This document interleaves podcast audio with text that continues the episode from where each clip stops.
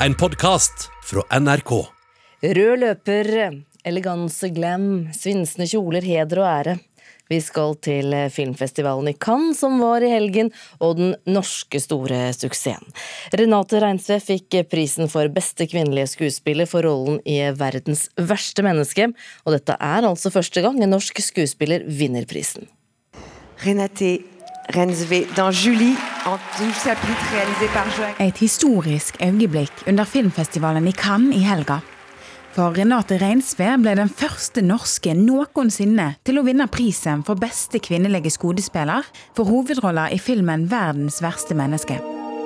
Filmen har vært en stor snakkis i Cannes og verden rundt, og for regissør Joakim Trier er dette stort. Nei, jeg vet ikke om jeg har landet helt. Det var, har vært liksom først en veldig sterk mottakelse av filmen, og så denne prisen til Renate. Så nei, jeg, jeg, jeg er i gang med å lande. Adrenalinet er i ferd med å forlate kroppen. Og filmen, som var med i hovedkonkurransen, har Trier skrevet sammen med Eskil Fugt, som også hadde sin film De uskyldige med i det prestisjefylte sideprogrammet Uncertain regard. Hovedkonkurransen og Gullpalmen var det filmen 'Titan' av Julia Docornau som vant. Og dette er andre gang at en kvinnelig regissør vinner denne prisen. Så det ble ingen gullpalme til Trier og gjengen, men filmens mottaking betyr likevel at en drøm har gått i oppfylling for regissøren. Jeg er jo på en måte bare vurdert som så god som det siste jeg har laget. Um, og det å få lov å fortsette å lage film avhenger jo faktisk av en viss suksess. Så nå har jeg liksom en sterk følelse at jeg kan få lov til å lage en film til. Det er det jeg har drømt om. Jeg har laget film siden jeg var barn med et kamera i hånden. Og har liksom ikke vært han fyren som var så flink på skolen alltid og sånn. Men film det har liksom vært min greie. da. Og jeg har alltid drømt om å få lov å leve av det. Og nå, nå føler jeg etter fem filmer at det begynner å bli en viss rytme i det. Og jeg har kanskje litt mer selvtillit på at det, det er, jeg har valgt et liv jeg kan fortsette med, håper jeg. Vet du hva som blir det neste for deg nå? Neste steg? Jeg har hatt en sånn veldig klar filosofi fra starten. At jeg, jeg, gjør filmer som er aktuelle i mitt liv der og da. Jeg har ennå ikke skrevet et eneste manuskript som ikke er blitt til en film. Og det er ganske unikt. Det er ikke så mange som får lov å oppleve det. Men det handler også om den energien om å sette meg ned med Eskil Fugt, fokusere på hva vi føler er den interessante filmen å utforske der og da. Både i film hva som er interessant med film, fordi film utvikler seg som språk og som kunstform, men også hva vi har på hjertet i de alderstrinnene og i den veksten vi har hatt siden vi debuterte for 15 år siden. Og det å prøve å tenke som en romanforfatter i den forstand at liksom, vi, vi er hypp på å gjøre noe som er veldig som vi syns er aktuelt, og ikke gjøre det som er riktig karrieremessig. Eh, sånn at jeg går tilbake til null jeg, og begynner med et hvitt papir igjen og skriver noe nytt. Eh, da får vi se hva som kommer opp. Og det er ikke bare for gjengen bak de to norske filmene at dette er stort, for det er virkelig litt av et filmår for Norge. Karsten Meinick er podkaster og en av redaktørene bak filmmagasinet Montasj. Hei og velkommen til en ny episode av Filmfrelst, podkasten fra filmtidsskriftet montasj.no. Han var også til stades og fulgte filmfestivalen tett. Og ved å lage de filmene de gjør, så har de også løftet fram eh, sine medarbeidere. Fotograf, klippere, eh, produsenter som jobber bak eh, i kulissene. Anders Danielsen Lie, som også spiller den andre sentrale rollen i 'Verdens verste menneske', han har jo også vært i hovedkonkurransen gjennom å spille i en franskprodusert film som heter 'Bergman Island'. Så han har jo også vært en sånn talk of the town her nede. da. Så Det er jo kanskje noe av det som også gjør det litt sånn ekstra flott. Norsk fotograf som heter Benjamin Loeb han har fotografert en amerikansk film som vises også i det offisielle programmet. Så Side om side så har det vært veldig mange norske filmarbeidere som akkurat i år har fått vist seg fram på den aller største scenen her i Cannes. Og jeg tenker det er et veldig oppmuntrende signal for alt det som foregår litt sånn bak overskriftene da, og under overflaten i den norske filmbransjen. Så det er jo et kulturpolitisk eh, vinnerkort. Eh, men det er ikke bare den nåværende kulturministeren som kan sole seg i det. Jeg tenker Det er et resultat av at man har villet satse på film. Da. Og jeg syns man burde satse enda mer på film for å oppleve dette oftere og i større grad. Og det er Trier enig i. Hvem er de beste fortellerne våre? i enhver generasjon. Pass på at de er mangfoldige, kommer fra forskjellige steder. La oss backe opp folk fra forskjellige eh, bakgrunner til å kunne være filmfortellere. Men passe på at det finnes en elitesatsing på de som er best, fordi det er et vanskelig fag. Reporter her, det var Ida Yasin Andersen. Kjersti Mo, direktør i Norsk Filminstitutt, velkommen til Nyhetsmorgen. Takk for det. Vi får begynne med det store spørsmålet som har gått igjen de siste dagene, og jeg ser når vi hørte reportasjen her, så, så smilte du mye, du nikket, var enig mye. Hvor stort er dette for norsk filmindustri? Mm, det er enormt. Det har aldri skjedd før at en film jeg har fått en pris for funksjon i hovedprogrammet i det hele tatt. Så det er veldig stort, og det gir masse oppmerksomhet til norsk film. For vi hadde jo to filmer som ble vist i det offisielle programmet. Det er jo veldig sjelden, kan vi si. Og så har jo mottagelsen eh, av disse filmene vært veldig, veldig god. Eh, og det gir jo samlet sett en veldig sånn god eh, oppmerksomhet til norsk film, og flytter oss litt ut av den skyggen fra Sverige og Danmark som vi kanskje har stått i. Så dette er veldig stort for oss. Ja, For det er stort å få god omtale og mye oppmerksomhet. Selv om man ikke får pris? Ja, altså um, Cannes er jo på en måte en plattform for filmens videre vei ut i verden. Um, sånn at nå eh, vet vi at eh, disse filmene vises uh, skal vises i mange land. 'Verdens verste menneske' er kjøpt av en distributør som har stor posisjon i USA f.eks.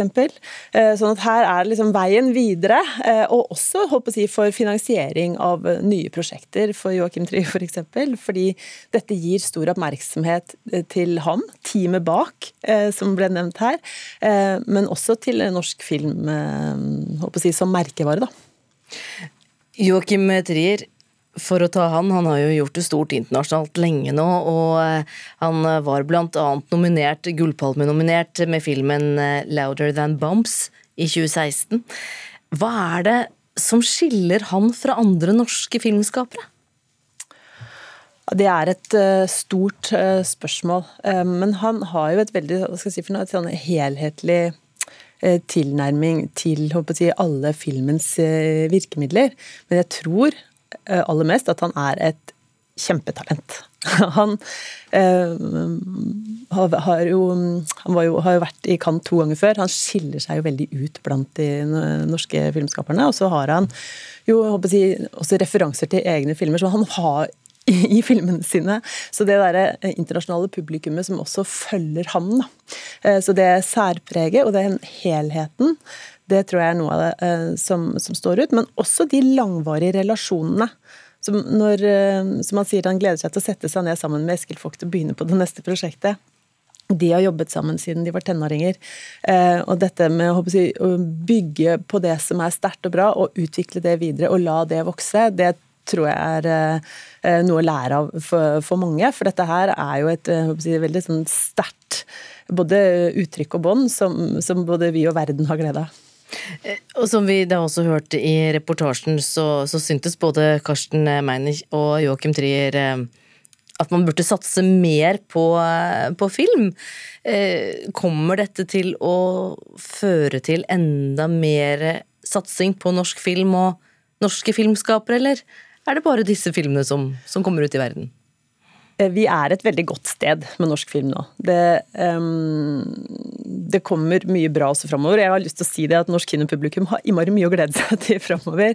Men vi uh, i Filminstituttet har selvfølgelig også lyst til å satse uh, mer uh, på film. Men det er som Joakim også trekker fram, at det å satse på Eh, for å få fram eh, Olympiatoppen, så trenger du breddeidretten.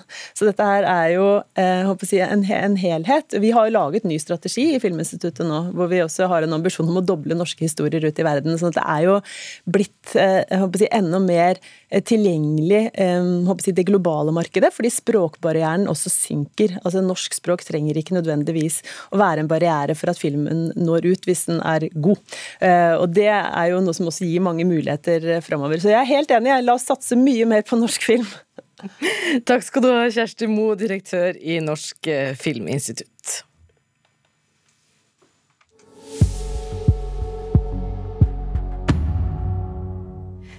Nå til en eh, TV-stasjon på Kypros som ble angrepet av demonstranter i hovedstaden eh, Nikosia. Hva, kulturreporter Aida Korami, hva kan du fortelle om dette?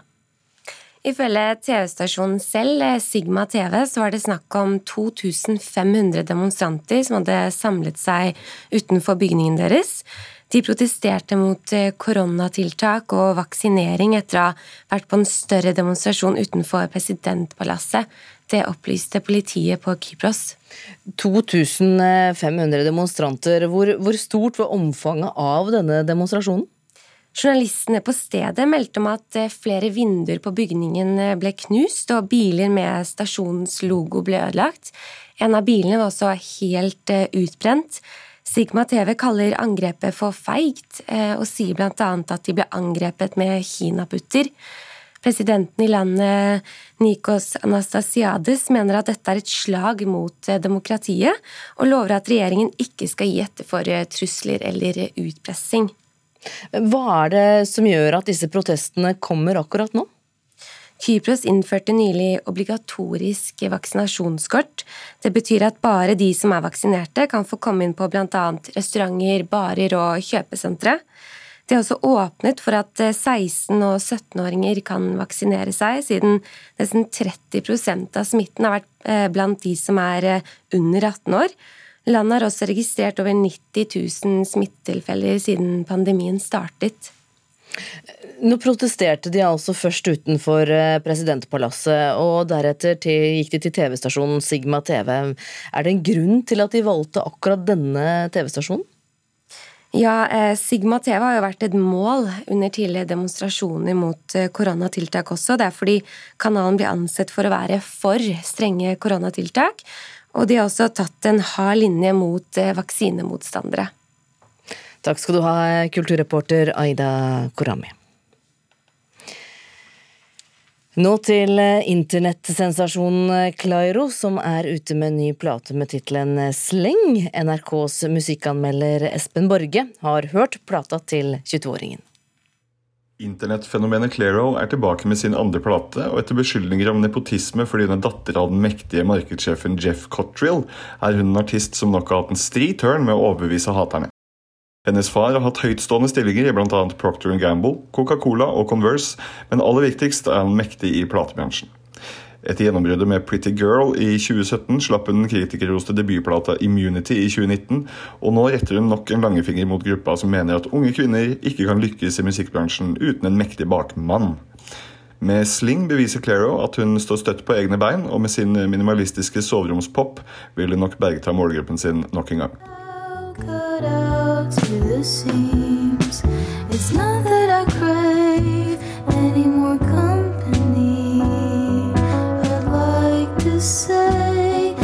Sjangeren hennes er en vanskelig sjanger å overbevise i, for det svært fåmælte uttrykket gjør at melodier og særegenheter ofte kommer i andre rekke.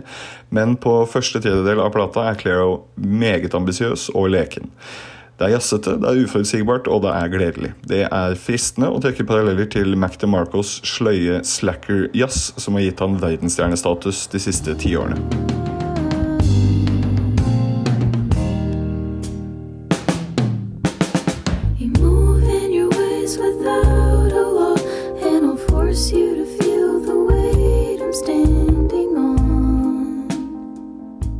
Utover i plata så skjer det noe som forpurrer totalinntrykket litt. Etter hvert så mister uttrykket noe av lekenheten og eksperimenteringen, og låtene glir mer eller mindre over i hverandre. En følelse av bakgrunnsstøy det oppstår ganske raskt, og oppmerksomheten svikter. Med unntak av den glimrende duetten med Lord på Blouse er midtpartiet på plata temmelig bedrøvelig.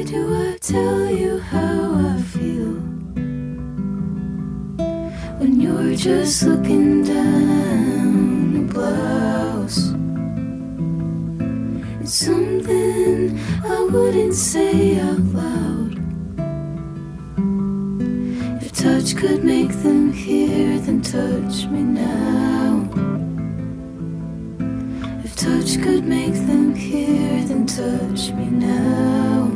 Sling er med andre ord en nokså ujevn affære, men med meget lovende tendenser, spesielt innledningsvis. Hvis Claro klarer å spisse uttrykket sitt enda mer og stole på sine egne ambisjoner, så kan vi ha en mulig verdensstjerne på trappene. Men det er altså et stykke igjen fremdeles. Terningkast fire. Ja, du kan, eh, Det var også NRKs musikkanmelder Espen Borge, og på nrk.no anmeldelser. Der kan du lese mer om Claros nye plate. Du har hørt en podkast fra NRK. Hør flere podkaster og din favorittkanal i appen NRK Radio.